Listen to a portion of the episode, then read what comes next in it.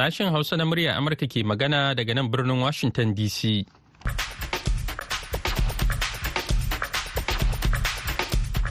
Masu sauraro Assalamu alaikum barkanmu da wannan lokaci yanzu ma Muhammad Hafiz Baballe ne tare da Aisha Ma'azu. Sauran abokan aiki muke farin cikin gabatar muku da wannan shirin na dare a yau Laraba goma ga watan Janairu na shekarar 2024. A cikin shirin namu ne yanzu ku ji cewa 'yan kasuwa daga yankin arewacin Najeriya da ke kasuwanci a kudancin ƙasar sun koka kan wasu nau'ukan ƙalubale da suke fama da su. Sannan za ku ji cewa a Najeriya 'yan kwangila da injiniyoyi sun ce kamfanonin ƙasar sun tilasta musu barin manyan ayyuka. Bayan nan kuma muna tafa da rahoto na musamman kan farashin man fetur a duniya da kuma labaran wasanni daga Ghana. Amma kafin nan sai a gyara zama a sauran labaran duniya.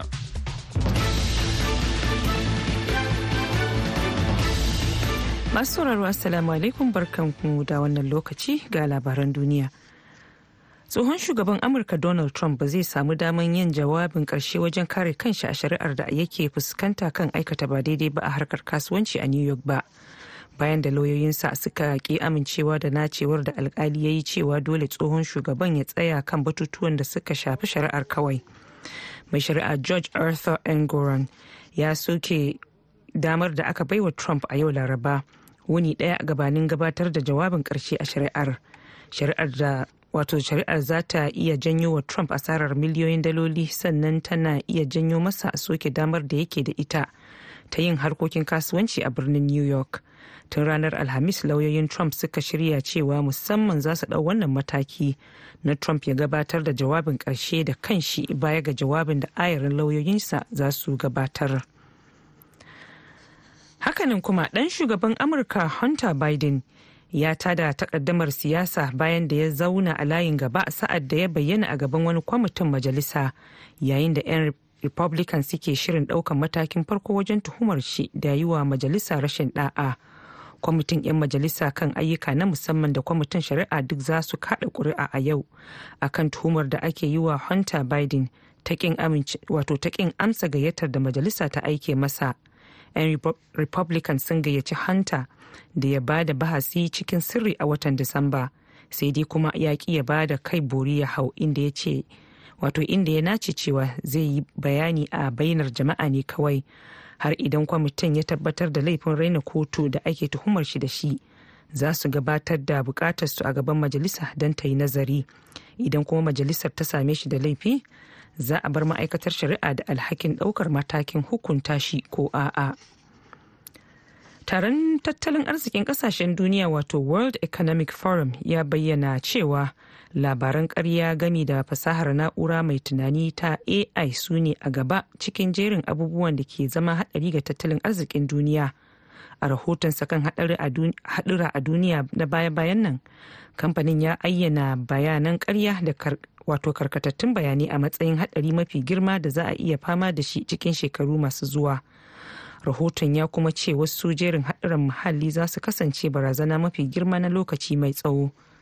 A yau laraba aka fitar da rahoton gabanin taron manyan duniya da akan gudanar a duk shekara a lokacin hunturu wanda za a yi a makon gobe wanda zai samu halartar shugabannin kamfanoni da shugabannin ƙasashen duniya a wurin shaƙatawa na swiss sky a birnin davos.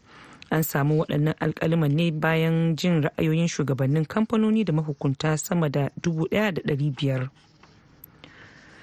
jakadan taiwan a amurka a jiya talata ya gana da kakakin majalisar amurka mike johnson a cewar ma'aikatar harkokin wajen ƙasar ta taiwan biyo bayan wani gargaɗi mai ƙarfi daga beijing.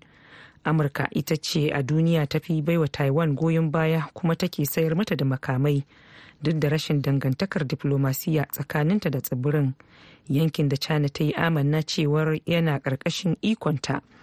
Alexander yu ya kama aiki a wannan sabon mukamin a watan da ya gabata ne bayan maye gurbin hasiyawo bikim wanda ya zama wato yanzu yake takarar neman kujerar shugaban ƙasar taiwan a zaɓen ƙasar da za a yi a ranar asabar mai zuwa.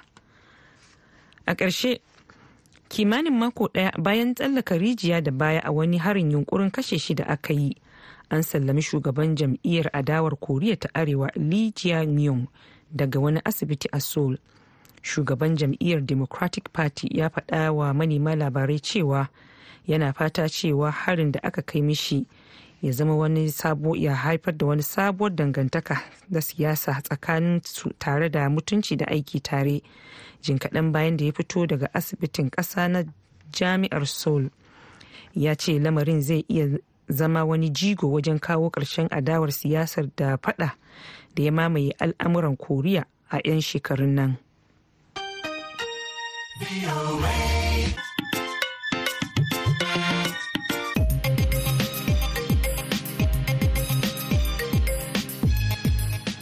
Labaran duniya aka saurara daga nan sashen Hausa na murya Amurka a birnin Washington DC. Yanzu kuma za mu buɗe taskar rahotanninmu.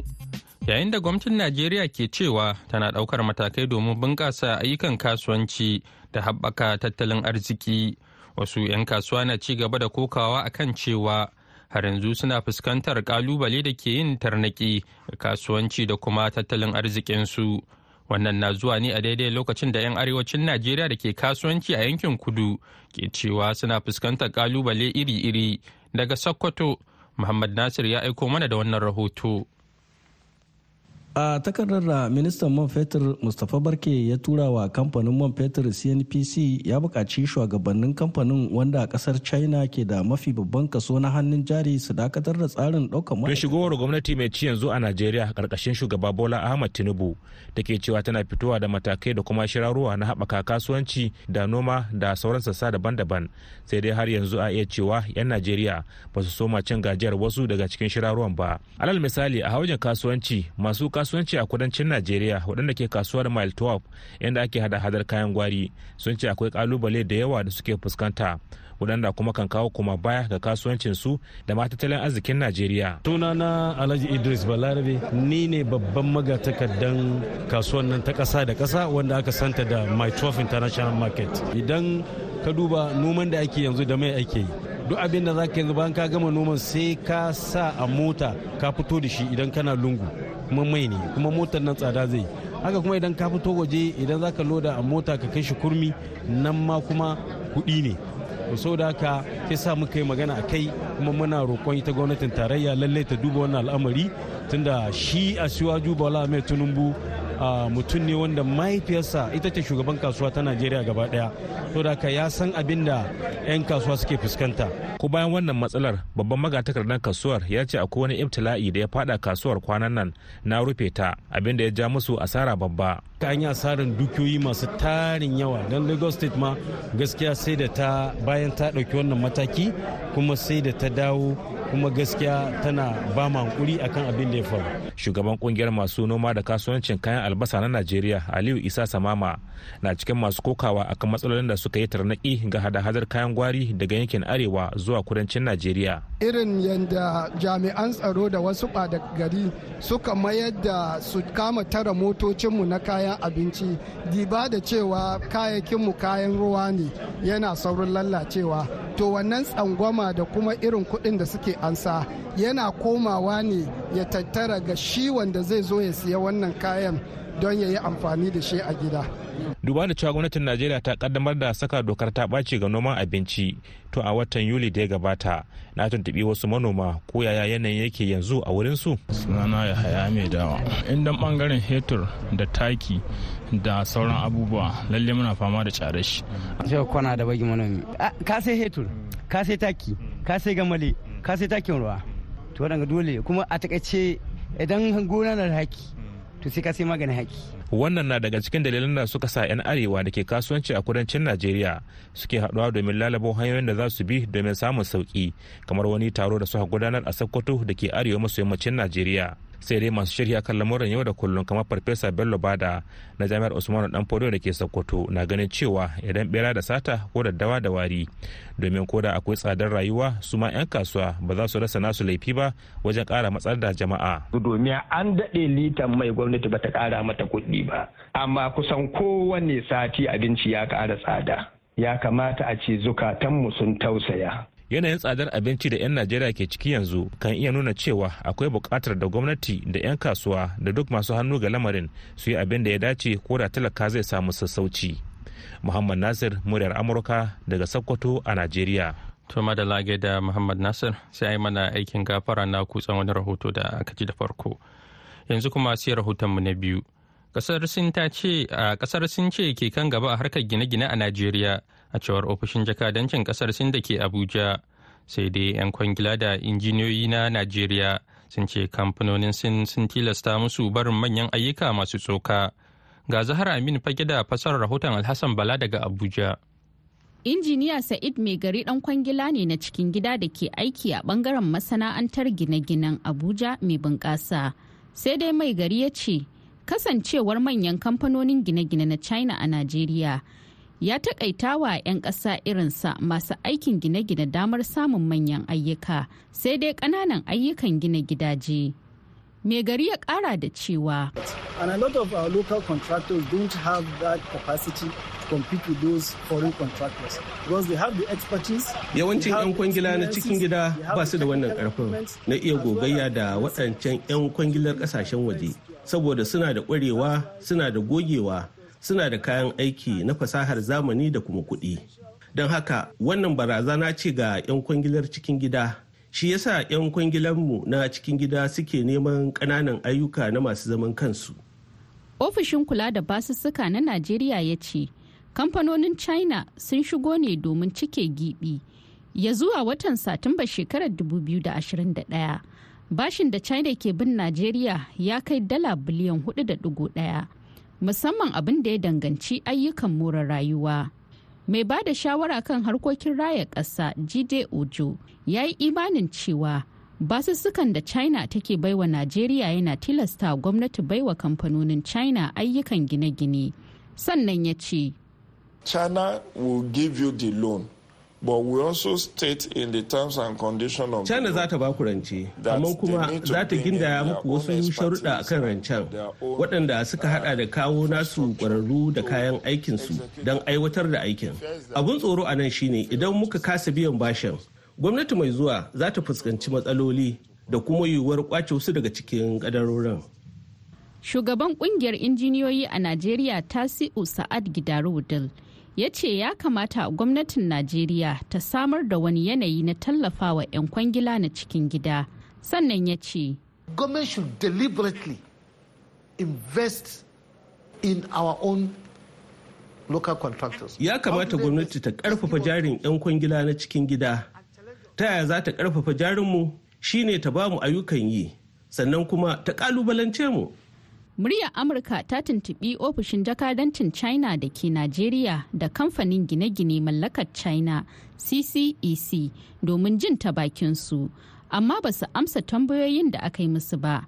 Jakadan china a najeriya chi yun chen ya bayyana a cikin wata sanarwa cewa ƙasarsa ce kan gaba wajen bayar da gudunmawa wajen raya ababen more rayuwa amma ga injiniyoyi irin su mai gari. Rinjayen kamfanonin gine-gine na china yana kawar da hazikan 'yan najeriya yayin da wasu 'yan kwangila suka bar neman ingantacciyar dama a wasu wurare suna komawa aiki a wasu sassa. Ya ce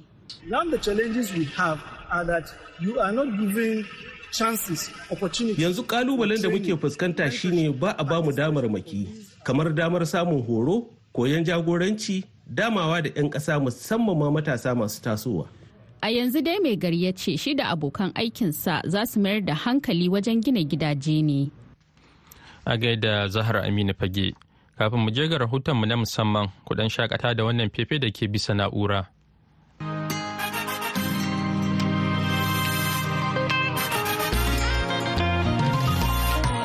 Na yi shirin bin sahu na dauniya don Allah mai sauraro cigiya zan zayyano kamannin ta don dubayya. Ka ɗauki alkalami zana in za ka iya. Faɗo masu kofin ba za na kosa ba. Ƙarshen labarin da nake ban haɗu ba kuma na dage neman ta nake ban gaji ba. Shekaru goma masoya na jira ba a gaji ba. Ai haƙuri masoya a abadan ni ba. Ku gyara zama labarin ban faro ba. Tafiya te nake ta yi mai nisa. Ban san ina zani bani na nausa. Ga zuciya na ta faɗin kada in fasa. Ina So madalla gaida Nazifi Asnanik. yanzu kuma sai rahotonmu na musamman kan yadda wasu 'yan najeriya ke ci gaba da kokawa kan tsadar farashin man fetur a ƙasar duk da cewa farashin a ƙasar yana da sauƙi kan wasu ƙasashen duniya. Hassan umar tambuwal gare ka. A Najeriya ana sayar da litar mai daga Naira ɗari shida zuwa sama a gidajen man ƙasar bayan da gwamnati ta cire kuɗaɗen tallafi Naira da tis'in da biyar akan kowace lita a can baya. Duk da wannan, Najeriya na ɗaya daga cikin ƙasashen da ke sayar da litar mai da sauƙi a ƙasashen Afirka. Ƙasashen da ake sayar da mai da sauƙi a Afirka su ne Algeria, Angola, Masar, Tunisia, Najeriya, Liberia, Sudan da ƙasar Gabon. Har yanzu 'yan Najeriya na ci gaba da korafi a game da tsadar mai. Sunana Alhaji Azzika Bodinga. Farashin mai kan tun wanda an kaɗe bi tallafin na ai mutane sun shiga halin kaka ake. Wanda kana sayan abu ko ɗari biyu bai kai ba yanzu an sai da shi ɗari bakwai wani wani ɗari shida da arba'in wani da hamsin. Ni tun wanda ya saman nan da gida da zan tawa nan man dubu tamanin ni sha. Daga wani gari kenan? Daga Sokoto zakwa na Ibada. Daga gida na zakwa kasuwa ga sati man dubu goma sha biyu nike sha. Kuma ni ga kasuwa ba ta da kyawu. Mota ta watan ta uku a jiban hauta ba a kan tsadan mai. Amma wata ƙididdiga da bayanai sun nuna cewa man Najeriya yana ɗaya daga cikin man da ke da arha a ƙasashen Afirka. A mu kan bai da arha gare mu. Su ƙasashen Afirka ɗin nan wasu kuɗin su na daraja na ba su da daraja. Don abin da kuɗin wasu ƙasa ke saye in ka haɗa shi da na Najeriya sai ka ga cewa ko rabin yanda muke sha bai kai ba. Amma akwai ƙasar da manta lita ɗaya ta hai dubu ɗaya wani wuri ta hai dubu ɗaya ɗari biyar wata ƙasa ma ta hai dubu biyu. Ni ce daraja kuɗi ne abba ɗaya ba. Sunana Alhaji Umaru nake ji mahuta. A dan mai sai dai mu ce inna lillahi wa inna ilaihi raji'un. Allah shi kawo mana sauƙi cikin wanga al'amari. Amma don Allah da ya gwamnati ya hankuri ta kula ta duba ta ga halin da ake ciki talakawa suke ciki. Kawai ga abubuwa da ka gani ga kan talaka ka karewa. Don Allah a tausaya. Ni su ne fatan mu ga lalura. Cikin ƙasashen duniya ciki da yankin nahiyar Afirka Najeriya ta fi su saukin mai. Eh to ta fi su saukin mai. Masu kuma da suka yi da talakawan su ba irin wanda shugabannin Najeriya kai ba ne menene bambanci? Abinda a bambanci su ce suna da kulawa ga talaka. Suna neman mu wurin zaɓe amma yanda suka kafa gwamnati sun mata ma da akwai talaka bayan su. Yanzu ga tsadan mai ga tsadan taki kuma komi kan talaka yaka karewa. Tsadan man da ake yi a Najeriya cire tallafin mai ya kawo shi. Kana ganin cewa cire wannan tallafin mai ya amfani talakawan Najeriya? To da mun aza zai yi unhwani da an cire tallafi amma har yanzu talaka bai gane umfanin cire wannan tallafi ba. Sunana Muhammadu Danshuwa. To gaskiya tsadan mai ya shafe mu saboda kaga da muna kai caji naira hamsin naira sittin in mun kai ma naira ɗari biyu suke karɓa wurin kowane POS guda ɗaya. Kuma akalla wuni ina kai kaman guda huɗu ko biyar ma. Kasashe da yawa a ƙasashen Afirka sun Najeriya tsadan mai ba ganin cewa gwamnatin Najeriya ma ta yi ƙoƙari domin man tana da sauƙi cikin wasu ƙasashen Afirka. Ai mu kaga ƙasar mu ce mu kuma ga cinan ƙasar mu ake gina man kaga ya kamata mu samu sauƙi akan farashi. Ana amfani da kuɗaɗen da ake ƙara ma mai wajen gyaran hanyoyi wajen yin asibiti wajen yin tituna wajen yin karantu da ba da ilimi ba ganin cewa nan ma gwamnati ta yi ƙoƙari. Ba hanya ce dame ba abin da abin da mutum zai sa a baki shi dame yan Najeriya mai ya fi ƙarfin talaka wallahi ya fi ƙarfin mu. Sunana Sulaiman Daura. Ku ku talaka ba an ga gaskiya yanzu ba abin da nake lebe yanzu nawa na na sai da man yanzu lokacin pdp nawa na sai da shi? Nan na na sai da congo shinkawa yanzu. An rikici ba san wani hanyar ba. A nima pdp so ya gyara gari nan. Shine saman mu lafiya. Gwamnatin najeriya ta ce ta cire tallafin mai domin ta samu kuɗin muku hanyoyi gyaran asibiti sa magani taimaka ma jama'a domin su samu ilimi musamman matasa. Ina ko kare yi waye ne ba su taimako a najeriya? Ba ga yanzu hanya an fara gyara ba? Ga cewa wuta ta fara kyau ba a najeriya? Ne fara kyau. A yankin da hake a taka unguwa wuta ba ta tsaya ba? Ne tsaya. Ka taba ganin wuta. Yau kwanan ka nawa rabon ka da wuta? Wallahi ya ke kwana goma yanzu ban ga wutan ba. Ba can baya wani bi ana wuce har wata ɗaya ba a samu wuta ba. Ba ka ganin cewa yanzu ana ƙoƙari ban yi ban gani ƙoƙarin su ba. Baka yarda da cewa abubuwa sun fara gyaruwa ba? Wallahi ni ban gani ba. Sunana manu ga ibadan. Yadda ake sai da mai mai yayi tsada mugu mugun tsada. Saboda mashidi na in zanna gona da ina sha mai na ɗari uku. Yanzu sai na sha mai na dubu ɗaya da ɗari biyu kun bai kai da gona. Don haka talakawa na cikin wahalhalu. Waɗanda suke waɗannan wahalhalu muna roƙon Allah ya kawo mana sauƙin su. Akwai ƙasashen duniya da yawa da ake sai da litan mai dubu ɗaya dubu ɗaya da ɗari biyar dubu biyu har dubu uku. Ba ganin cewa man Najeriya yana da sauƙi a cikin ƙasashen Afirka? A'a waɗannan ƙasashe sun samu ci gaba. Ƙasashe ne masu yin ƙere-ƙere. Nan Najeriya mi muka kerawa sunana Abdullahi. Sadan mai da ake cikin su gaskiya yayi yawa. Kuma mutane ba su ji daɗin haka ba. Kuma muna fatan cewa hawa Tinubu sai mana saman alheri kuma haka muke so. Amma da ya ce mutanen Najeriya su ya haƙuri muna ciki hankuri muna jira ko mai soko amma sadan mai yayi yawa yanzu. Idan ka dubi wasu ƙasashen Afirka Najeriya tana cikin ɗaya daga cikin ƙasashen da ke da sauƙin mai. Mun san da haka, amma duk da haka ka san in muna da shugaba mai kyau, in mataimake su yi na bayi da kyau, dole a ce shugaban bayi da kyau. Mai ɗin nan an tabbatar da cewa namu ne a nan wajen kuma ba mu ji daɗin shi ba. A naka gani me tsadan mai ke sawa a cikin jama'a? A wuya da yawa. Tsadan manyan su masu mota don su kara kuɗin mota. Komai haka sai dinga tsada. In mai ya so ko mun tabbatar cewa komai zai so ko. Saboda kan mai ina ke kara komai da komai. Dr. Mansur Abdullahi na jami'ar gwamnatin tarayyar Najeriya da ke Gusau a jihar Zamfara. Masani tattalin arziki ne ya bayani a game da tsadar mai a duniya. Assalamu alaikum warahmatullahi wabarakatuh. Shi bambancin farashin litan mai a ƙasashen duniya akwai dalilan da kawo. Na farko akwai kuɗin da ake kashewa wurin tono man. Kaga wasu ƙasashe sun wasu ƙasashe ci gaba na kimiyya da fasaha. Saboda haka duk ƙasar da ke ta wurin kimiyya da fasaha dole kuɗin da za ta kashewa ya sauƙi wurin tono mai bisa ga wata kasa. Haka ƙasashen da suka ci gaba kula arziki irin su Amerika da Ingila da waye dole sai sun yi samun sauƙi saboda ci gaban kimiyya da fasaha. Sannan dalili na biyu akwai samar da matatun mai cikin kasa. In kasa tana da matatun manta wanda za ta tono mai ta tace da kanta wannan zai sa farashin man ta sauƙi bisa ga ƙasar da in ta tono man sai ta hidda shi wata kasa ta waje an tace mata sannan ta kai da shi ƙasar ta tafiya wannan kaga a hidda shi waje a tace ki sannan a mai kai da shi zai kara man tsada. Na uku akwai haraji. Wasu ƙasashe suna sa haraji a kuɗin mai wanda shi kisa sai kuɗin man su yi sama. Akwai ƙasashen da suna suna caji harajin ji kusan kashi saba'in cikin ɗari. Wasu ƙasashe kuma suna caji haraji kan kashin da biyar cikin ɗari. Da kamar irin ƙasar Netherlands tana tana caza wajen kashi saba'in cikin ɗari. Kamar irin ƙasar America tana caza irin kashi kashi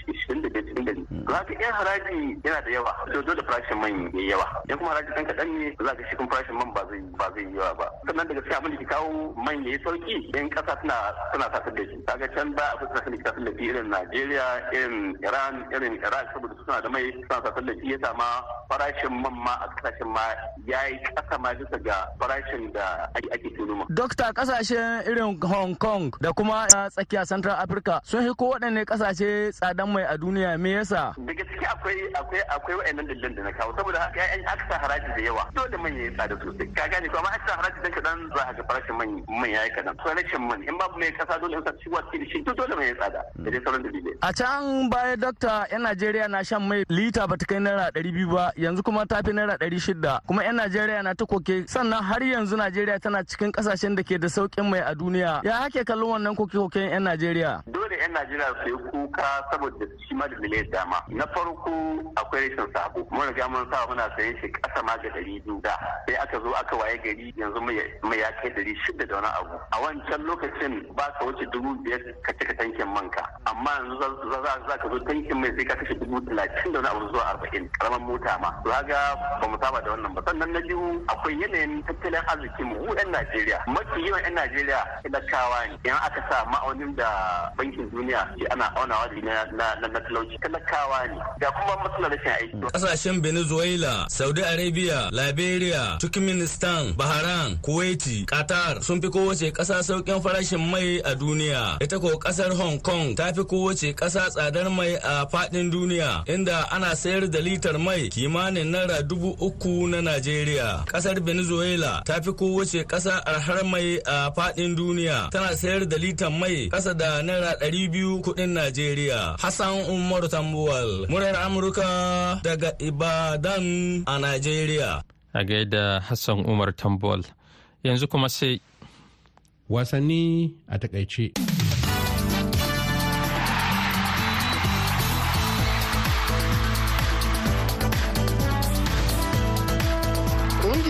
Din ƙasar ghana ta isa ƙasar ivory coast don gasar cin kofin afirka na shekara ta 2023 cikin wani yanayi mai ɗaukar ido inda sun ka baje kolin al'adun gargajiyar ghana ta yafa zanin tsakin ƙasar da ake kira kinti wurin tarbun baki na tashar jiragen ƙasar ya rude da buki yayin da makaɗan gargajiya suke yi wa 'yan wasan marhaban. 'yan wasan ma sun shiga an dama da su sosai.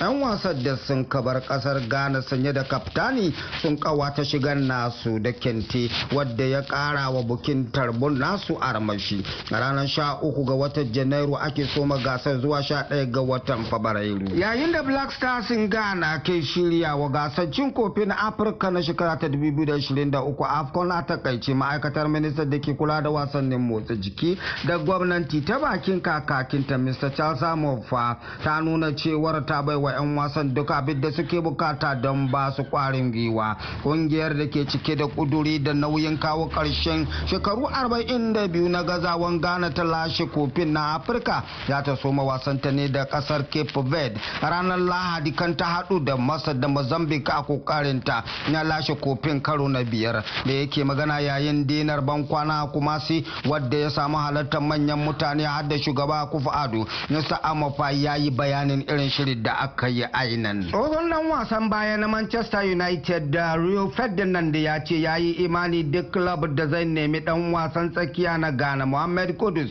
sai ya yi tanadin isasshen kuɗi. Dan wasan mai shekaru 23 na haskawa ainin tun da ya koma west ham united cikin lokacin transfer bazara daga zakarin dutch ajax amsterdam. Dan wasan na ghana halin yanzu ya zura kwallaye goma cikin duk wasannin da ya yi wa da hames aka kuma zaɓe shi tauraron 'yan wasa na cikin watan disamba a premier league in ingila. Dan wasan tsakiyar ya burge ferdinand wadda ke cewa west ham ba za ta amshi ta yadda ya gaza fan miliyan 75 ba. Kan su bar dan wasan ya yi hannun riga da su. Shugaban hukumar ƙwallon kafar duniya fifa ta kaice jani infantino ya yi da allah wadai da irin arangamar tashin hankali da ya lalata wasan samun shiga gasar cin kofin duniya tsakanin argentina da brazil. Yana mai faɗan babu wuri wa irin wannan mummunan hali a ƙwallon kafa wannan irin tashin hankali ba shi da wuri a wasan ƙwallon kafa a kan fili na wasa da wajen fili in ji infantino a wani saƙon instagram. 'yan ƙwallo da ƙungiya da ma jami'an wato ƙwallon kafan sun cancanci samun yanayi mai tsaro. A rangamar ta faru ne a matsayin rio de janeiro maracana stadium yayin kada takin ƙasashen inda 'yan sandan brazil sun ka tasar wa magoya bayan argentina. Da wannan muka iso ƙarshen labaran wasannin. Radwanul muktar abbas sashen gausa na muryar amurka accra ghana. A gaida dan mutan akara yanzu kuma ga labarai a taƙaice. To a takaicen tsohon shugaban Amurka Donald Trump zai samu yin jawabin ƙarshe wajen kare kanshi a shari'ar da yake fuskanta kan aikata ba daidai ba a harkar kasuwanci a New York ba. Bayan da lauyoyinsa suka amincewa da nacewar da alkali ya yi cewa dole tsohon shugaban ya tsaya kan batutuwan da suka shafi shari'ar kawai. Mai shari'a George Arthur N. Goron ya soke damar da aka baiwa Trump a yau Laraba wuni ɗaya gabanin gabatar da jawabin ƙarshe a shari'ar. Hakanin kuma dan shugaban amurka hunter biden ya tada takaddamar siyasa bayan da ya zauna a layin gaba sa'ad da ya bayyana a gaban wani kwamitin majalisa yayin da 'yan republican suke shirin ɗaukar matakin farko wajen tuhumarsa da yin wato da yi wa majalisa rashin da'a kwamitin 'yan majalisa wato majalisa 'yan kwamitin 'yan majalisa kan ayyuka na musamman da kwamitin shari'a da za su kada kuri'a a yau akan tuhumar da ake yi wa hunter biden ta kin amsa gayyatar da majalisa ta aike masa. Taron tattalin arzikin ƙasashen duniya wato world economic forum ya bayyana cewa labaran karya gami da fasahar na'ura mai tunani ta ai su ne a gaba cikin jerin abubuwan da ke zama hadari ga tattalin arzikin duniya. A rahotonsa kan haɗura a duniya na baya-bayan nan. Kamfanin ya ayyana bayanan karya da karkatattun bayanai a matsayin haɗari mafi girma da za a iya fama da shi cikin shekaru biyu masu zuwa. Rahoton ya kuma ce wasu jerin haɗuran muhalli za su kasance barazana mafi girma na lokaci mai tsawo. Jakadan taiwan a amurka a jiya talata ya gana da kakakin majalisar amurka mike johnson. A cewar ma'aikatar harkokin wajen ƙasar ta taiwan biyo bayan wani gargaɗi mai ƙarfi daga beijing.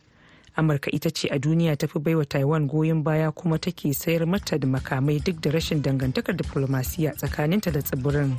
Masu sauraro a nan muka kawo ƙarshen shirin namu na yau sai kuma goben allah ya kai mu za ku ji abokan aikin mu ɗauke da wani sabon shirin. Yanzu a madadin aisha ma'azu da ta karanto labarai da julie leathers gresham da ta ba da umarni da ma injiniyan mu na yanzu sidrak. Ni Muhammad Hafiz Baballe daga nan sashen Hausa na muryar Amurka ke cewa ku kwana lafiya.